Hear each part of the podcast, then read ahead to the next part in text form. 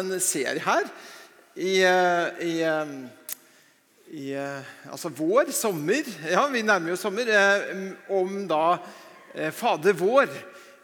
Og det er jo helt fantastisk å få kunne gå inn i den bønnen som vi har lest og bedt så mange ganger, og virkelig få litt tid til å grunne på hva er det vi ber om. Hva betyr det? Og så har vi jo kommet da til eh, den delen av bønnen hvor vi ber i Vi har kommet til vers 13 eh, i Matteusevangeliet, kapittel 6. Der er vi jo i bergprekenen, og midt i bergprekenen så kommer da disiplene, og de spør 'Lær oss å be'. Disiplene hadde observert Jesus. De hadde sett hvordan han går avsides, hvordan han har fellesskap med sin far i himmelen. Og det vekket en sånn eh, lengsel etter å ha noe av det samme, så disiplene spør om Jesus ikke kan lære dem å be. Og vi trenger også det, ikke sant? Å få, få lære mer av bønnens eh, velsignelser. Yes.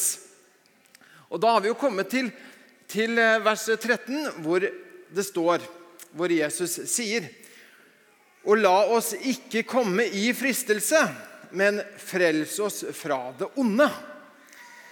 Eller i en annen oversettelse og led oss ikke inn i fristelse, men fri oss fra det onde, eller fri oss fra den onde. Her er det sånn at eh, du vet, når man oversetter, så må man gjøre noen eh, valg. Eh, for noen ganger så kan det bety akkurat det samme. Og det er ikke noe stort problem. Men det kan være greit å bruke litt litt tid her i begynnelsen bare for å oppklare noen ting. Jeg hadde senest i går en prat rundt, eh, rundt dette. her, og Da kan det hende at jeg, det hjertet er fylt av, det, det, kommer ut. og Hvis jeg har sittet og jobba litt med dette, her, så, bla, bla, bla, så har jeg, jeg har allerede prekt denne prekenen her ti ganger. Nei da, jeg har ikke det. Men, men ikke sant? Og så kommer vi inn i den praten, og så lurer jeg Men hva er det her, Lars Tore? Altså, vi ber, Skal vi be om det? Trenger vi å be om det her? Altså, Av alt vi skal be om, trenger vi å be 'led oss ikke inn i fristelse'. Altså, akkurat som, og det er klart, hvis du, hvis du bare hadde lest det her, så kan du tenke deg at, at, at, skulle Gud på en måte stå her og si ok, skal vi se om han fikser dette her. Om uh, han, uh, skal vi bare liksom uh, se om, om, om han liksom klarer å stå imot denne fristelsen. At han ikke synder. Det vil jo være i så fall veldig i skarp motsetning til hva andre bibelsteder sier om det. Så skal vi ikke bare få, få rydda opp i hvis du hadde noen sånne, noen sånne ting her som syns at det var litt uklart. Så lar vi eh, andre tekster få måte sette litt lys på det. Vi bare begynner der. Det er så fint å ta det. Ikke sant? Sånn at vi får, får med oss at Gud han vil jo lede oss på rette veier for sitt navns skyld. Fristelser det har jo med at det er krokete, at det er kronglete, at det er snublete. Mens Jesus og Gud, altså vår Gud, vår Far i himmelen, han vil lede oss på rette veier for sitt navns skyld. Sånn at når du løper, så skal du ikke falle. Når du går, skal du ikke snuble. Men at han vil, han vil eh, gjøre veien rett for din, han gjør stien rett for din fot.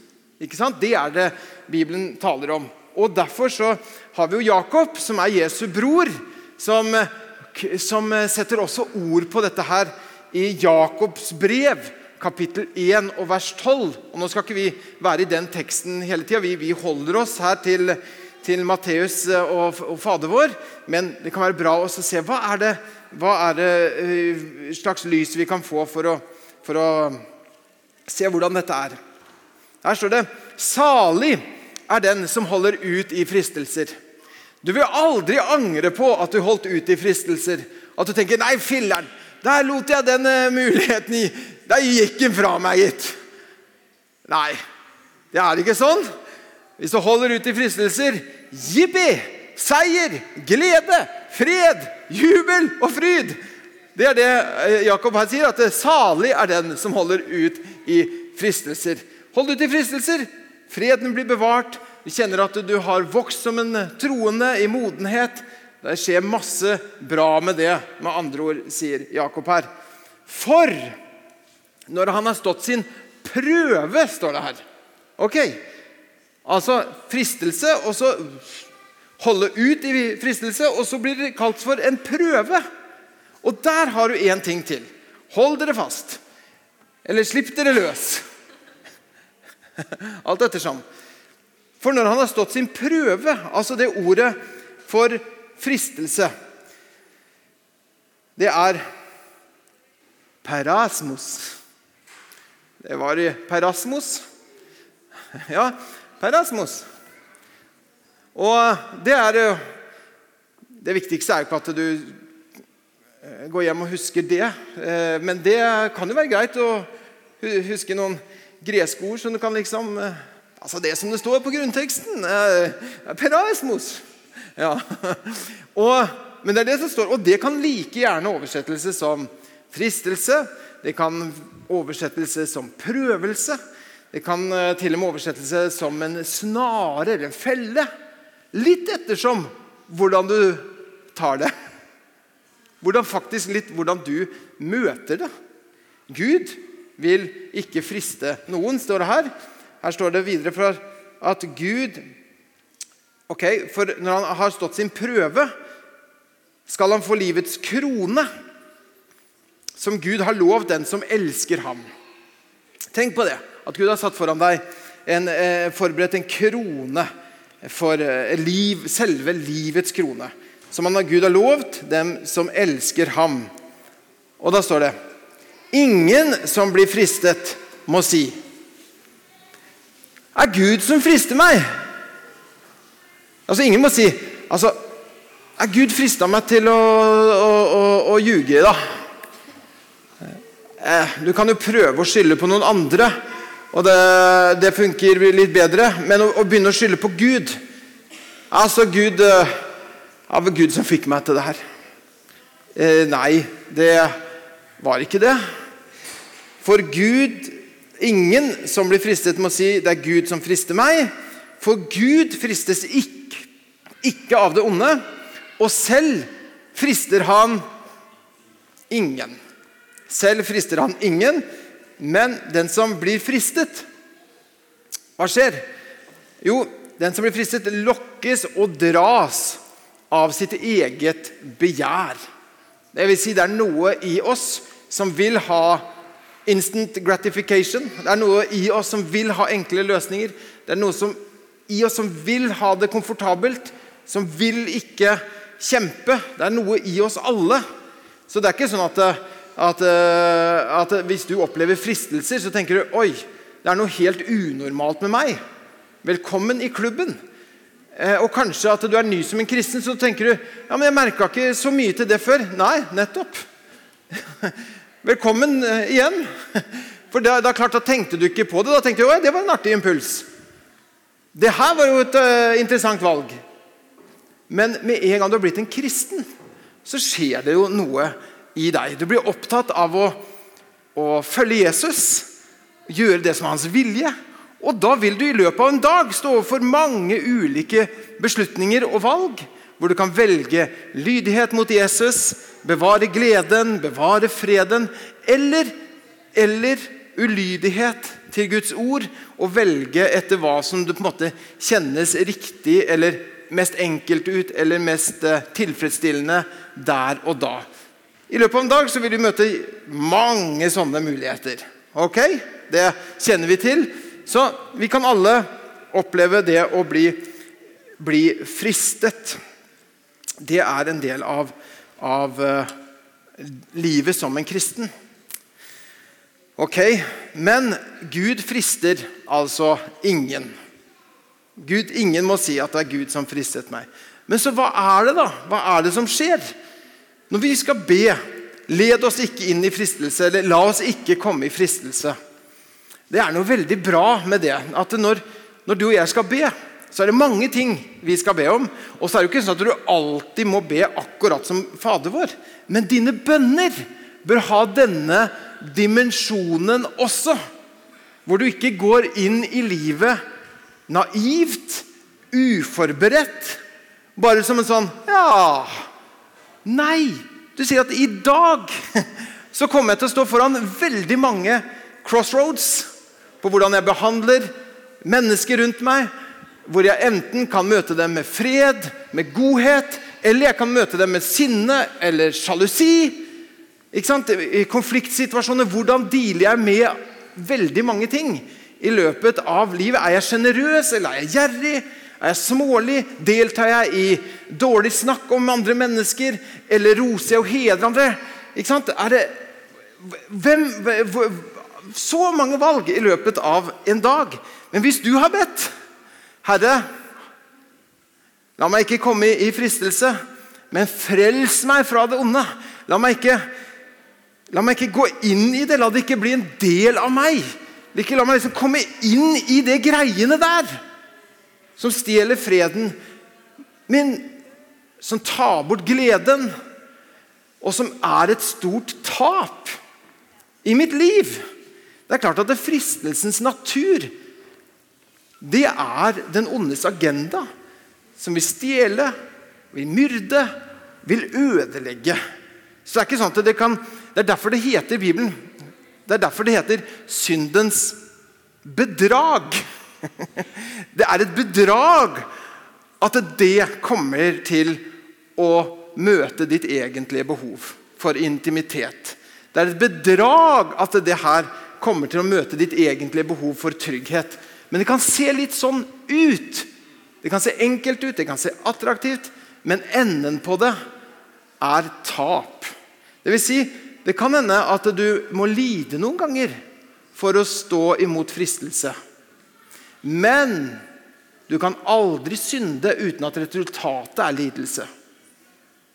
Skjønner? Så det kommer, det, kommer aldri, noe, det kommer aldri noe, noe ut på plussida ved å gi etter for fristelsen. Så fristelsen sånn sett, det er egentlig noe som du da vet ikke er i tråd med dine verdier, i tråd med hva du tror på, i tråd med egentlig den du innerst inne er. Men du vil stå overfor det, og så vil du kunne gjøre en beslutning ut ifra eh, eh det som står foran deg. Om du velger livets vei eller dødens vei, dypest sett.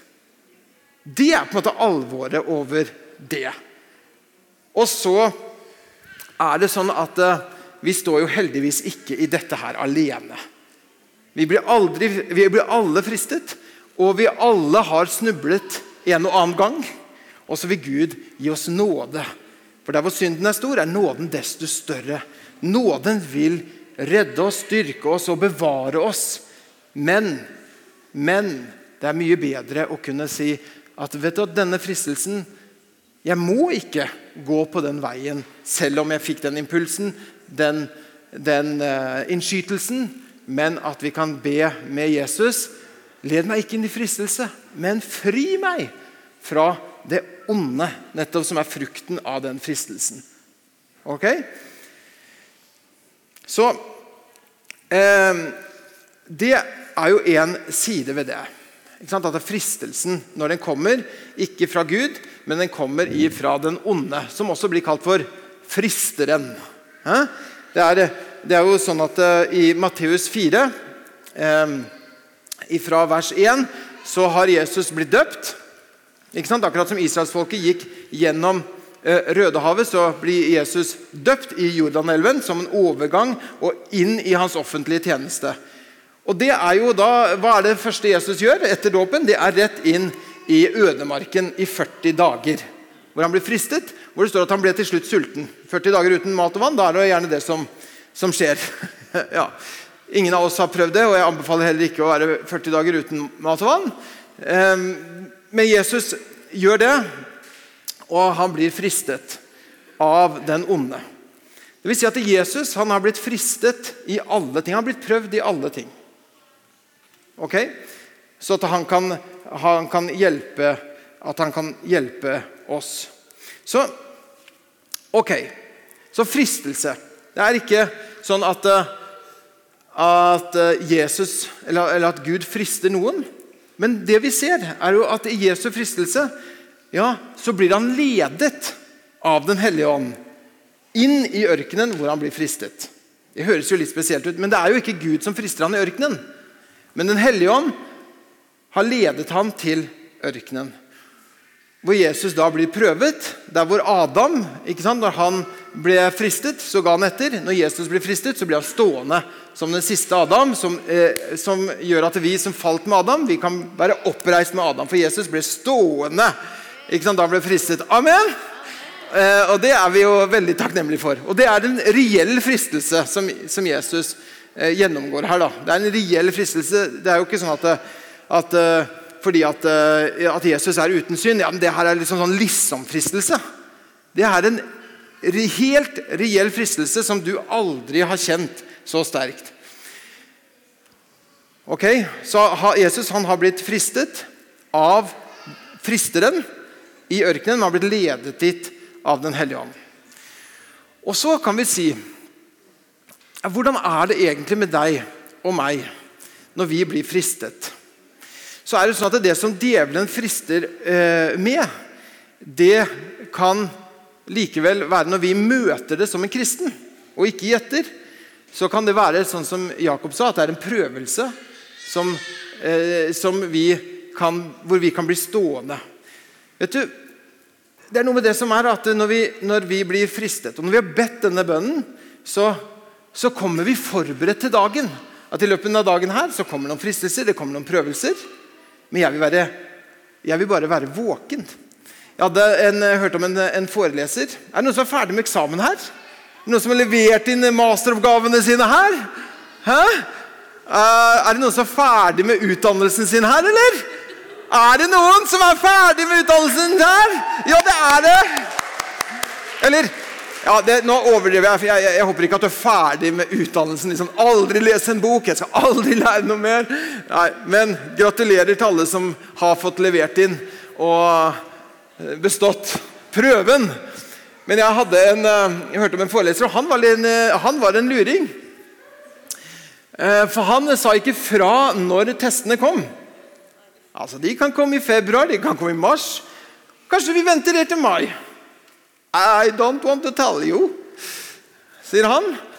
Eh, og hva skjedde, den, eh, hva skjedde med det årskullet der? De var så forberedt. For de visste aldri når det kom. Så kom veldig forberedt til forelesningen, fulgte nøye med, tok notater. For vi visste ikke når, eh, når testen kom. Og vet du, Når det gjelder for oss, når vi ber denne bønnen, så er det litt sånn Ja, men jeg er forberedt. Hva som enn kommer denne dagen her, så jeg led meg ikke inn i fristelse, Herre, men frels meg fra det onde. Vi kommer som forberedt, og vi tar ikke det at vi liksom kommer inn i det totalt uvitende. Så Jesus han blir stående. Han blir fristet, men blir stående. Og Derfor kan vi lese at når du blir prøvet eller når du blir fristet, så leser vi i Hebrebrevet kapittel 4 og vers 15. Der står det for vi har ikke en øverste prest som ikke kan lide med oss i vår svakhet. Er ikke det mye trøst i det? Det syns jeg også. Men en som er prøvet i alt på samme måte som vi, men uten synd. La oss derfor frimodig tre fram for nådens trone, så vi kan finne barmhjertighet og finne nåde som gir hjelp, gir hjelp i rette tid. Amen.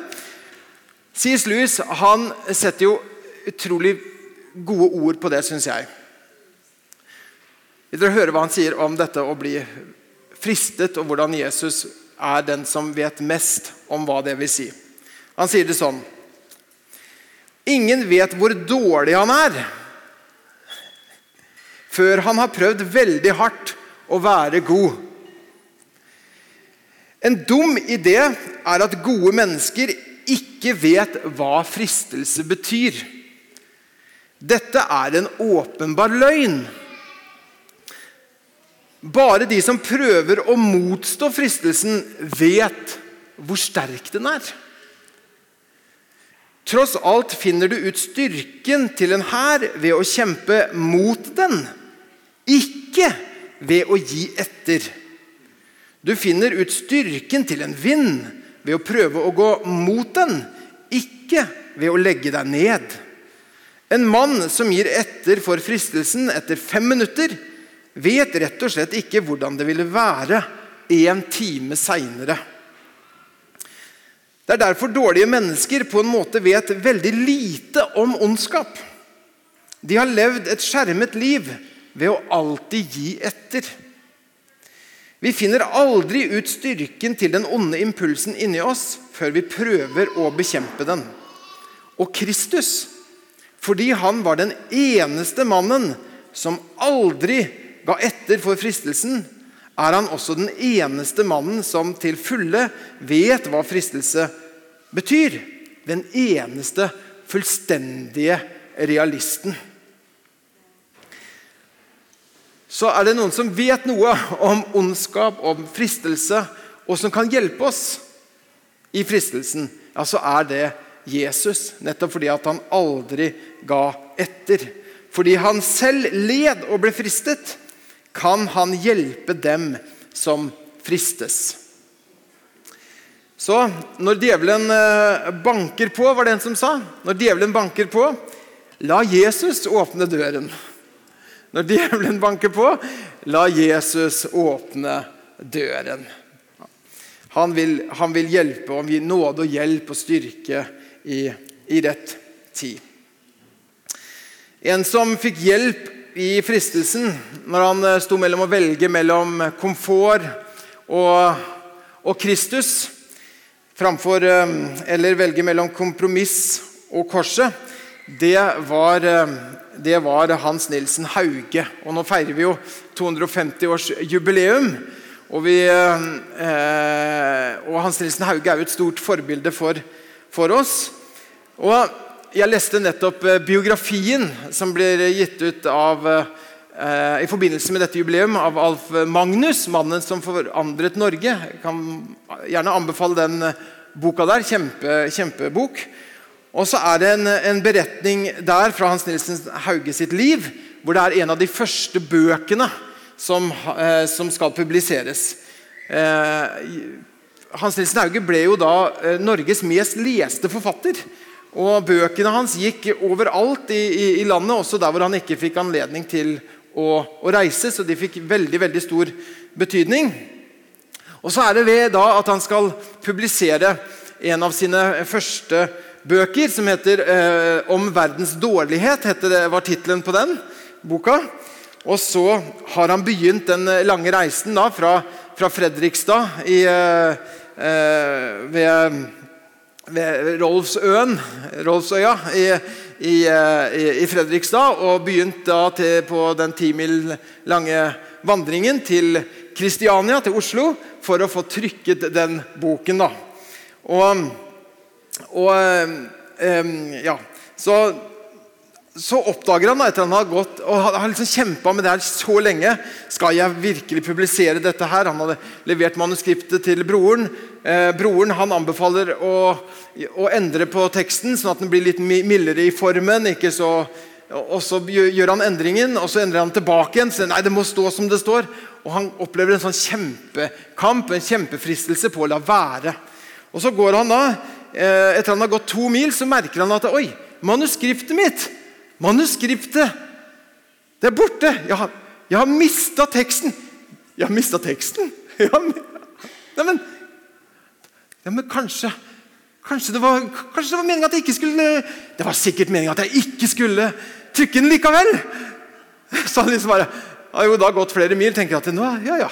Nei, men da, da, var det Herrens eh, plan. Og så begynner han å, å tenke litt sånn Ja, men det var, det var godt. Og så er det jo sånn at uh, Hans Nilsen Hauge han besøker jo folk på veien. Så tar han inn i en stue der og, og spiser, og jammen meg så kommer en fremmed inn. 'Se hva jeg fant!' Se hva jeg fant!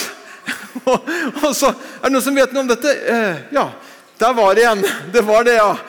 Og så tenker han nei, det var nok meningen at jeg skulle trykke det likevel. Og så sier han og Jeg syns det, her er et veldig godt eksempel på hvordan prøvelser kan, kan være, hvordan fristelser kan være. Jeg tenkte at så snart boktrykkeren ser det jeg vil ha trykket, melder han meg for biskopen, og denne lar meg arrestere. Dette er Hans Nilsen Hauge sine ord da, som han har i sine memoarer. Jeg motsto disse tanker og bestemte meg for å la det stå sin prøve. Jeg bør holde mitt løfte. Men fristeren satte inn på meg, så det var nesten som jeg hørte en røst tale til meg, selv om jeg gikk alene. Ja, til sist var det så klart som en bak meg skulle ha ropt, Vend om, vend om, og gå hjem! Han påsto at jeg hadde ingenting med å lære, skrive og formane andre. Jeg motstå, jeg motsto med et bibelord om at en sann kristen skulle formane, og den som omvender en synder fra villfarelsens vei, han har frelst en sjel fra døden. Så kjenner liksom på fristelsen og bare ah, Men så står opp, og så, og, så, og så, reflekterer han. Det var da besynderlig at dette skulle bli så mye bråk om denne boka. Skriver han liksom rett etter at han har fått, trykket, fått den i trykken. Det var rart. I ettertid så ser vi det var kanskje ikke så rart. Den boka ble eh, trykket opp i, på den tiden, altså 250 000 eksemplarer. Ble lest overalt. Og, fikk, og jeg tenker, En sånn bok som har fått voldsomt innflytelse på hvor, hvordan eh, nasjonen ble forandret. Og da kanskje at i ettertid så hadde han skjønt hvorfor det ble så voldsomt motstand mot det. Noen ganger når du opplever prøvelser og vanskeligheter, sånn, så må du tenke litt sånn. Hva skjer? Hva er det som skjer? Og hvor viktig er det ikke at man stopper opp og sier er dette her, denne fristelsen her, skal jeg overvinne ved Guds kraft, ved Guds ords bekjennelse, ved fellesskapet med andre troende som står med meg, for å også gå gjennom, selv om det ser ut som den mest utfordrende veien å gå, så fins det noe på andre siden som handler om din vekst som en kristen. For tenk, jeg hørte om en som skulle ut og, ut og bygge han, han, skulle bygge, bygge seg robust hytte. Og Så ler jeg litt av ham, for han henter tømmer liksom oppå toppen liksom, av fjellet. Og så sier jeg, men hvorfor, hvorfor tar du den lange veien opp der? For å hente, hente tømmer? Hva er det du driver med? Det er jo veldig mye mer jobb. Så sier han du, vet, du, du finner ikke det sterke tømmeret her nede. Du må opp på høyden, hvor det har blåst, hvor det har vært eh, litt uvær. Derfor går jeg opp i høyden for å hente meg et sterkt tre. Det var et intervju med en relativt ung mann. Omstendighetene her er jo fryktelig fryktelig tragiske, men likevel sier noe om noe, noe, viktig for oss å lære. da. For det som skjedde her, var at en ung mann kjører, er veldig uforsiktig. Det skjer en tragisk ulykke. Kjører på en annen ung mann. Han kikker rundt seg. Er det noen som har sett meg? Ikke. Og så kjører han av gårde. Uten å hjelpe denne som ligger skadet i grøfta. Fordi han kjører bort, så blir den eh, mannen liggende, får ikke hjelp og dør. Så går det en tid, og så, eh, så etterforskes saken, selvfølgelig. Og eh, denne mannen får en rettferdig dom i rettsvesenet. Blir dømt til, til jeg tror nesten livsvarig fengsel pga. denne hendelsen her. Og så gjør han et intervju. Så gjør han et intervju med en avis. Og så, og så reflekterer han over sitt eget liv, hvordan livet har blitt. Og så sier han men det begynte ikke der. Og Så forteller han om der han selv mener at dette startet. Hvor uh, faren hans hadde fått en veldig kostbar klokke etter en sånn lang og tro tjeneste. Han brukte ikke den klokka veldig mye. Den lå i, i boksen i et skap. Men han tok den fram, syntes det var nysgjerrig, lekte med den, og så knuser klokka. Den går i stykker. får en skade. Og Faren ønsker bare å vite hvem var det som gjorde det. Så han stiller barna foran seg. Hvem var det som, som ødela pappas klokke? Ville bare ha et liksom, ærlig, ærlig, svar. Der gjør han et valg og sier, eh, sier ikke ifra at det var han, men snor seg unna. Det samme gjorde han en annen gang og en tredje gang. Og så ble det en slags vane ved å ikke ikke la seg konfrontere, ikke innrømme, men velge den tilsynelatende enkle veien ut. Og så står han etter å ha fått mange små prøver, mange små tester gjennom livet, og så står han overfor sitt livstest. Og hva skjer? I hans egne ord sier jeg fordi at jeg ikke at jeg, at jeg møtte denne lille testen på den enkle måten. Så når den virkelig store testen kom, den virkelig store prøvelsen, så falt jeg der også. Og så fikk det så store konsekvenser. Gjennom livet. Og så kan du møte gjennom dagen ikke sant? Så kan du tenke dette her er bare en distraksjon. Dette her er bare noe småtteri som jeg blir irritert over. Ja, du kan tenke at det er det. Men du kan også tenke det på det som, som Bibelen taler om det. At uh, vår tro blir prøvet. Akkurat som eh, denne, eksamens, eh, denne læreren som ikke sa når prøvelsen kom. For det skjer noe liksom, når du vet at det nærmer seg en prøve. Forbereder, forbereder du deg, så er du klar. Men så er det også sånn at eh, Gud vil aldri friste oss.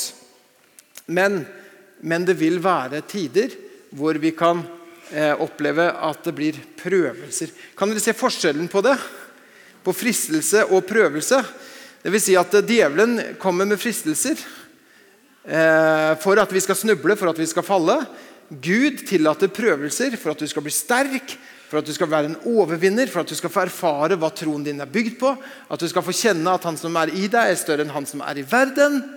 Sånn at du kan vokse som en kristen gjennom mange små prøvelser. eller mange små prøvelser, Sånn at når den virkelig store prøvelsen i ditt liv kommer, så blir du stående sterk, rotfesta og grunnfesta i Kristi kjærlighet. Amen. Og det er fantastisk å kunne huske på det. 1. Peters brev, kapittel 4 og vers 12. Peter skriver jo her til en kirke som går gjennom masse, masse slags prøvelser. Så sier han, 'Mine kjærer, vær ikke forundret', sier han. Altså Ikke vær overraska. Ikke liksom tenk 'nå skjer det noe rart her'.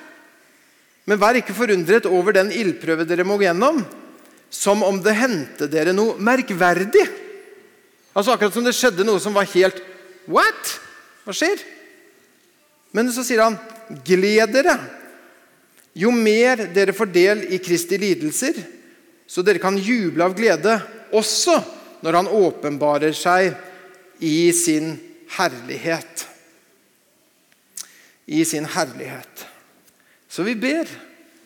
Herre, led meg ikke i fristelse, men frels meg, eller frels oss fra, fra den onde.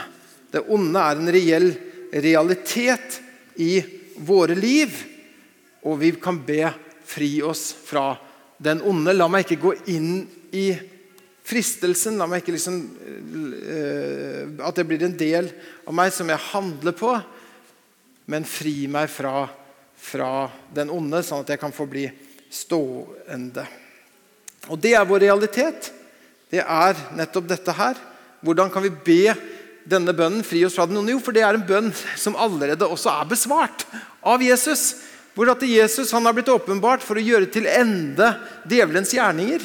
Vi leser at uh, I Hebreerbrevet kapittel 2, 14-15 så står det at siden barna er mennesker av kjøtt og blod, måtte også han bli et menneske som de slik at han ved sin død kunne gjøre ende på ham som hersker ved døden. Det er djevelen, og befri alle dem som av frykt for, døden var i trelldom hele sitt liv.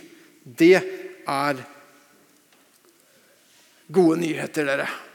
Det er gode nyheter. Så er det på det som er realitetene dine, som du står i. At Vi behøver ikke gi, gi etter for det. Han som er i deg, er sterkere enn han som er i verden.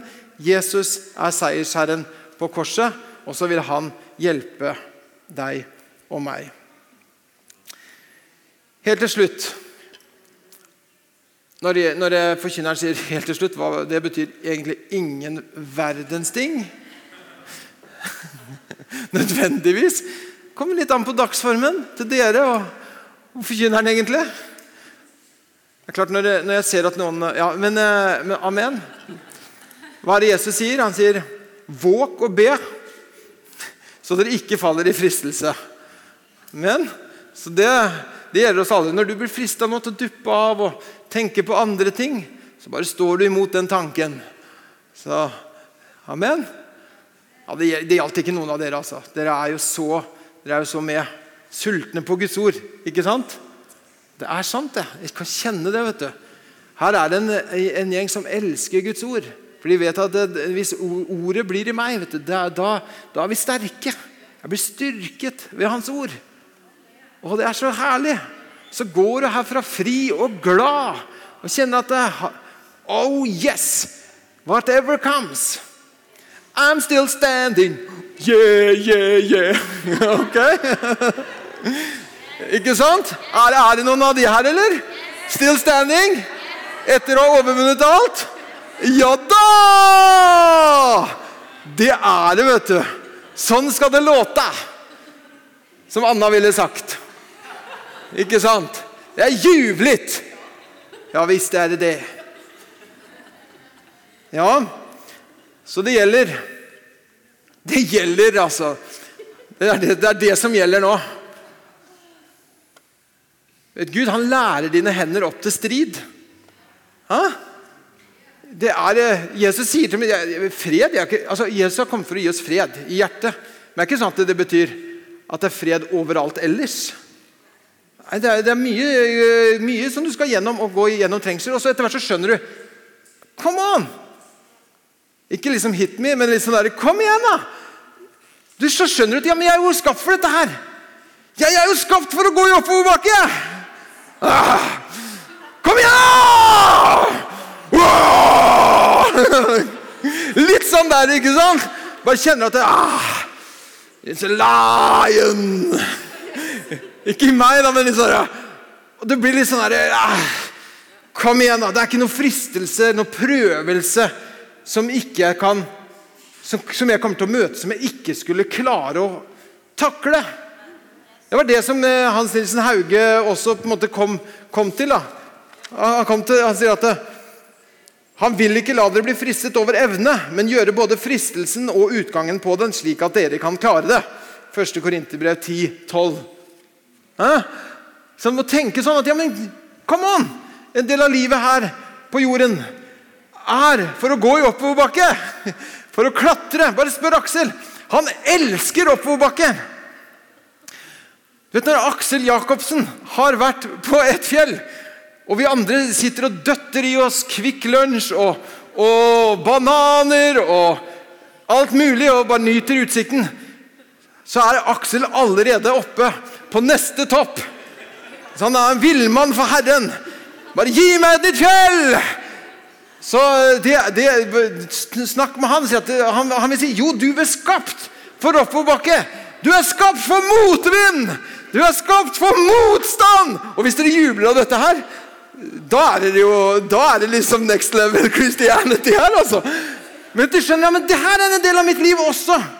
Og jeg vil gjøre det paradoksale og si joho! Litt sånn der, Andre vil jo tenke at det her blir litt spesielt. Men du kan jo gjøre det litt sånn um, anonymt hvis det blir for rart. Men en prøvetro, da. Bibelen sier, og det er jo spesielt at, Og det er jo ikke spesielt, men det er sant at en prøvetro er mer verdt enn Gull, ja! Kostbart gull.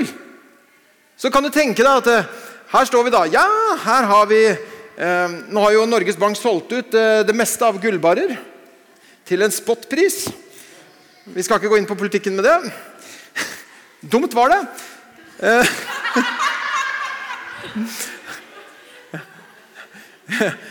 og pga. de solgte det, så får vi masse prøvelser. Ja, nei da. Men ok. Her er det jo da et lass med gullbarer. Og så her har vi et liv med en prøvetro. Ok. What do you want? Her har vi kostbart gull, og så har vi prøvet, en prøvetro. Hva vil du ha? Ok, da. Altså en gullring, iallfall, da. Men det som det står, er at en prøvetro er mer verdt enn det der. så kan du til og med møte prøvelser og sier hmm, This is costly stuff. Dette her Hvis jeg bare håndterer det her bra, at jeg ikke tar det som en fristelse, men jeg tar det, dette her skal bli en prøvelse med å stå, livets prøve, og så står det at det der står livets krone klar for den som elsker ham. Så møter du det på en litt annen måte og sier at det, dette her Jeg skal vokse på dette. Jeg skal gå seirende ut av dette her. Og da er det ikke sikkert at du skal stå aleine med det alltid. Er det ikke bra å ha en venn? Sånn generelt. Det er veldig bra å ha en venn. En bror og en søster. Da sier du oh, come on, stand with me. Jeg har så lyst til å gjøre det her, men jeg vet egentlig at jeg skal gjøre det. Kan du ikke stå med meg? Kan du ikke, kan du ikke bare spørre meg i morgen åssen det her gikk? Please. Kan du ikke bare be meg? Kan ikke jeg bare komme over i leiligheten din akkurat nå? Og så er jeg hjemme hos deg og så be litt, for det er hjemme hos deg det er så mye frist, det er så mye greier. Kan jeg ikke Eller stå med meg litt. Rann. With a little help from a friend. Kan jeg ikke det? Ja, det kan være veldig bra noen ganger, det.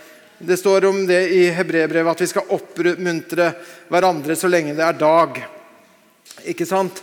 Og, og hvorfor, hvorfor skal vi gjøre det? Jo, for at ingen av dere skal la seg bedra av synden og bli forherdet.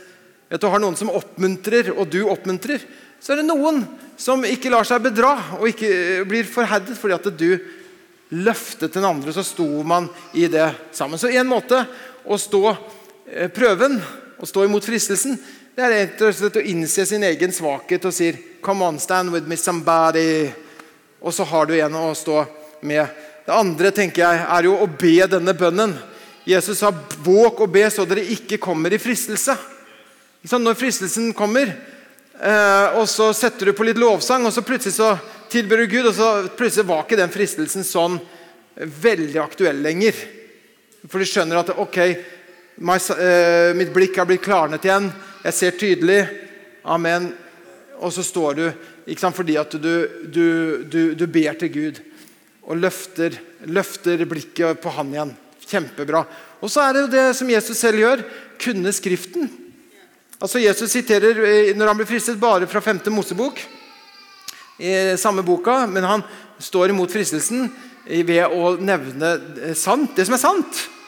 Og eh, å løfte den sverd, som er Guds ord, det er, det er det vi trenger å gjøre i møte med fristelsen. Akkurat som Hans Nilsen Hauge sier. Du sier at jeg skal gå hjem. Nei, men Guds ord sier at, eh, at den som har rettledet en, har, har, eh, har eh, frelst en fra villfarelsen og, og, og, fra syndene.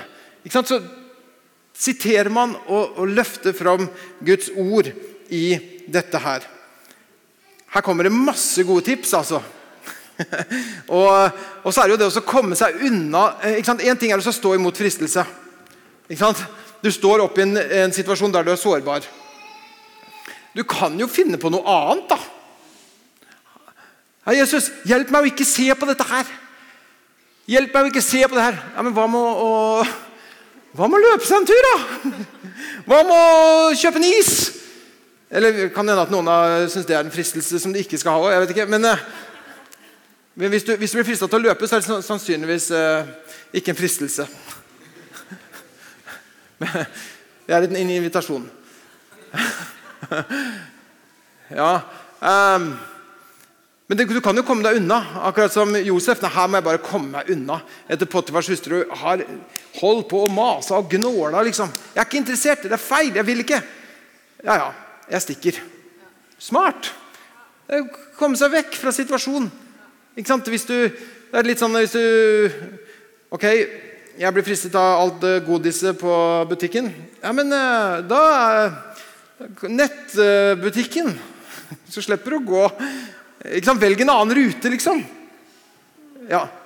Det, det, det er jo det å holde, holde, holde, seg unna. Og noen ganger eh, Noen ganger så handler det jo også om at eh, hvor Jesus også sier i Matteus 5,30 Hvis hånden, din høyre hånd leder deg til synd, eller frister til synd, nå vet jo vi at Det er jo ikke hånden i seg selv som gjør det.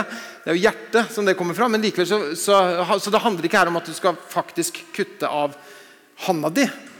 Men det handler om å, å kutte av forbindelser som drar deg i helt feil retning og så si at vet du hva, dette funker ikke lenger.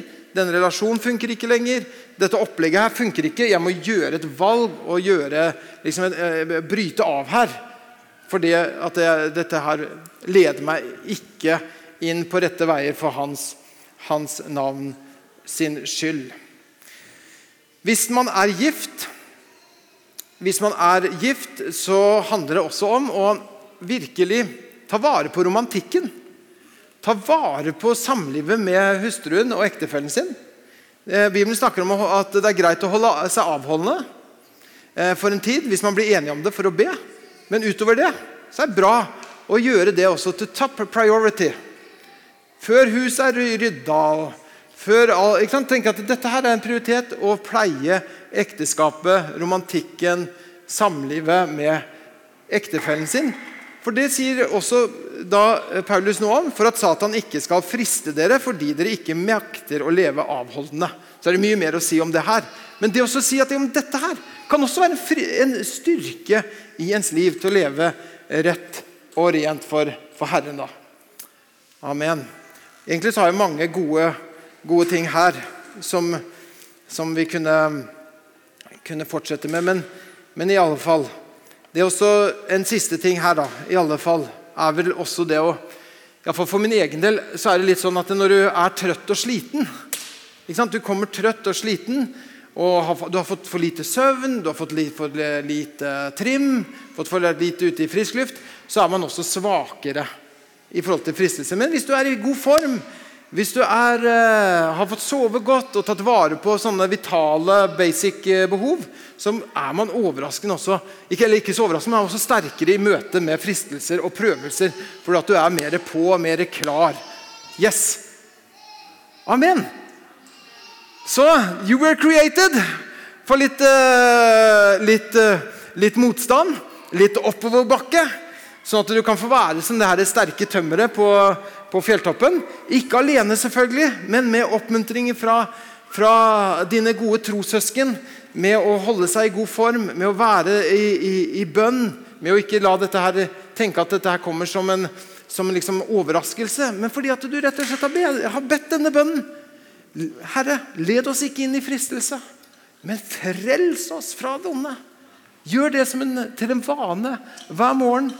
Og så, og så vil du møte kan du møte prøvelsene, du kan møte fristelsene. Og så at du kan få gå i hans, eh, i hans seierstog. Og så husk på det, da.